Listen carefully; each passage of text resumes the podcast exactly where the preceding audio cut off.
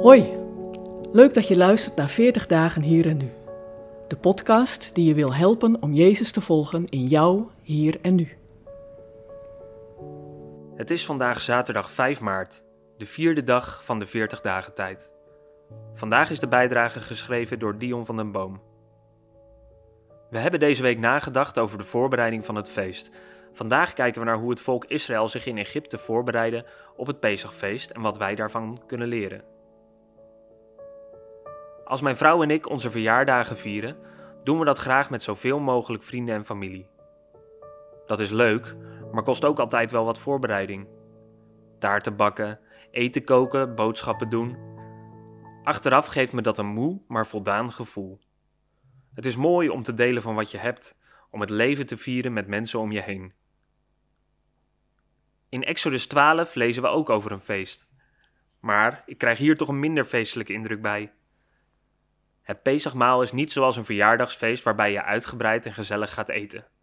Nee, want hier staat iets groots te gebeuren. God zet hier het volk Israël in startblokken, klaar voor de uittocht. We lezen in het eerste gedeelte van Exodus 12 instructies hoe het volk Israël zich moest voorbereiden op de tiende plaag. Hoe ze het offerlam moesten bereiden en vervolgens het bloed aan de deurposten moesten smeren.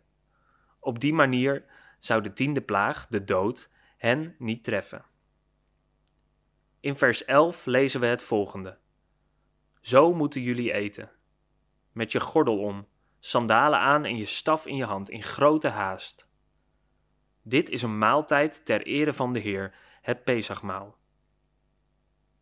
Het volk Israël eet dus in grote ernst en gehaast, want de verlossing, de bevrijding, staat voor de deur.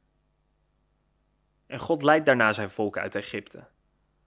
God heeft het volk bevrijding uit de slavernij beloofd en hij doet wat hij heeft beloofd. Het volk hoefde uit Egypte niets mee te nemen. Sterker nog, God gebood hen om alles wat over was van het eten te verbranden. Niets mocht achterblijven. Jas aan, schoenen aan, klaar voor vertrek. God zelf zou voor hen zorgen, zelfs in de woestijn. Nu wij op weg gaan naar Pasen, mogen we ook iets leren van hoe het volk Israël op weg ging. Het volk ging gehaast en hoefde niets mee te nemen. En zo mogen ook wij gaan. We hoeven niets mee te nemen. We mogen ons voorbereiden op vertrek, maar hoeven geen koffers in te pakken.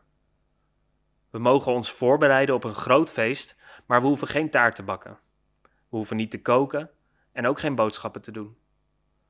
God belooft ons dat Hij voor ons zal zorgen. Het enige wat wij moeten doen is alles achterlaten. Dat is misschien wel gemakkelijker gezegd dan gedaan. Ik denk nog eens aan dat verjaardagsfeest. Het zou vervelend zijn als ik helemaal geen eten en drinken voor onze gasten in huis zou hebben. En als ik naar een verjaardag toe ga, dan voelt het ongemakkelijk om zonder een cadeautje aan te komen. Daarom is op weg gaan naar Pasen niet per se makkelijk. Het vraagt ons om los te laten.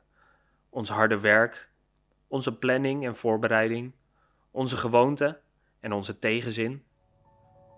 Op weg naar Pasen betekent dat we met lege handen op weg gaan. Op weg gaan met open handen, zodat God ze kan vullen. We gaan dus op weg. Soms ook dwars door de woestijn, maar er altijd van verzekerd dat God voor ons, achter ons en zelfs in ons is. Op die belofte kunnen we vertrouwen.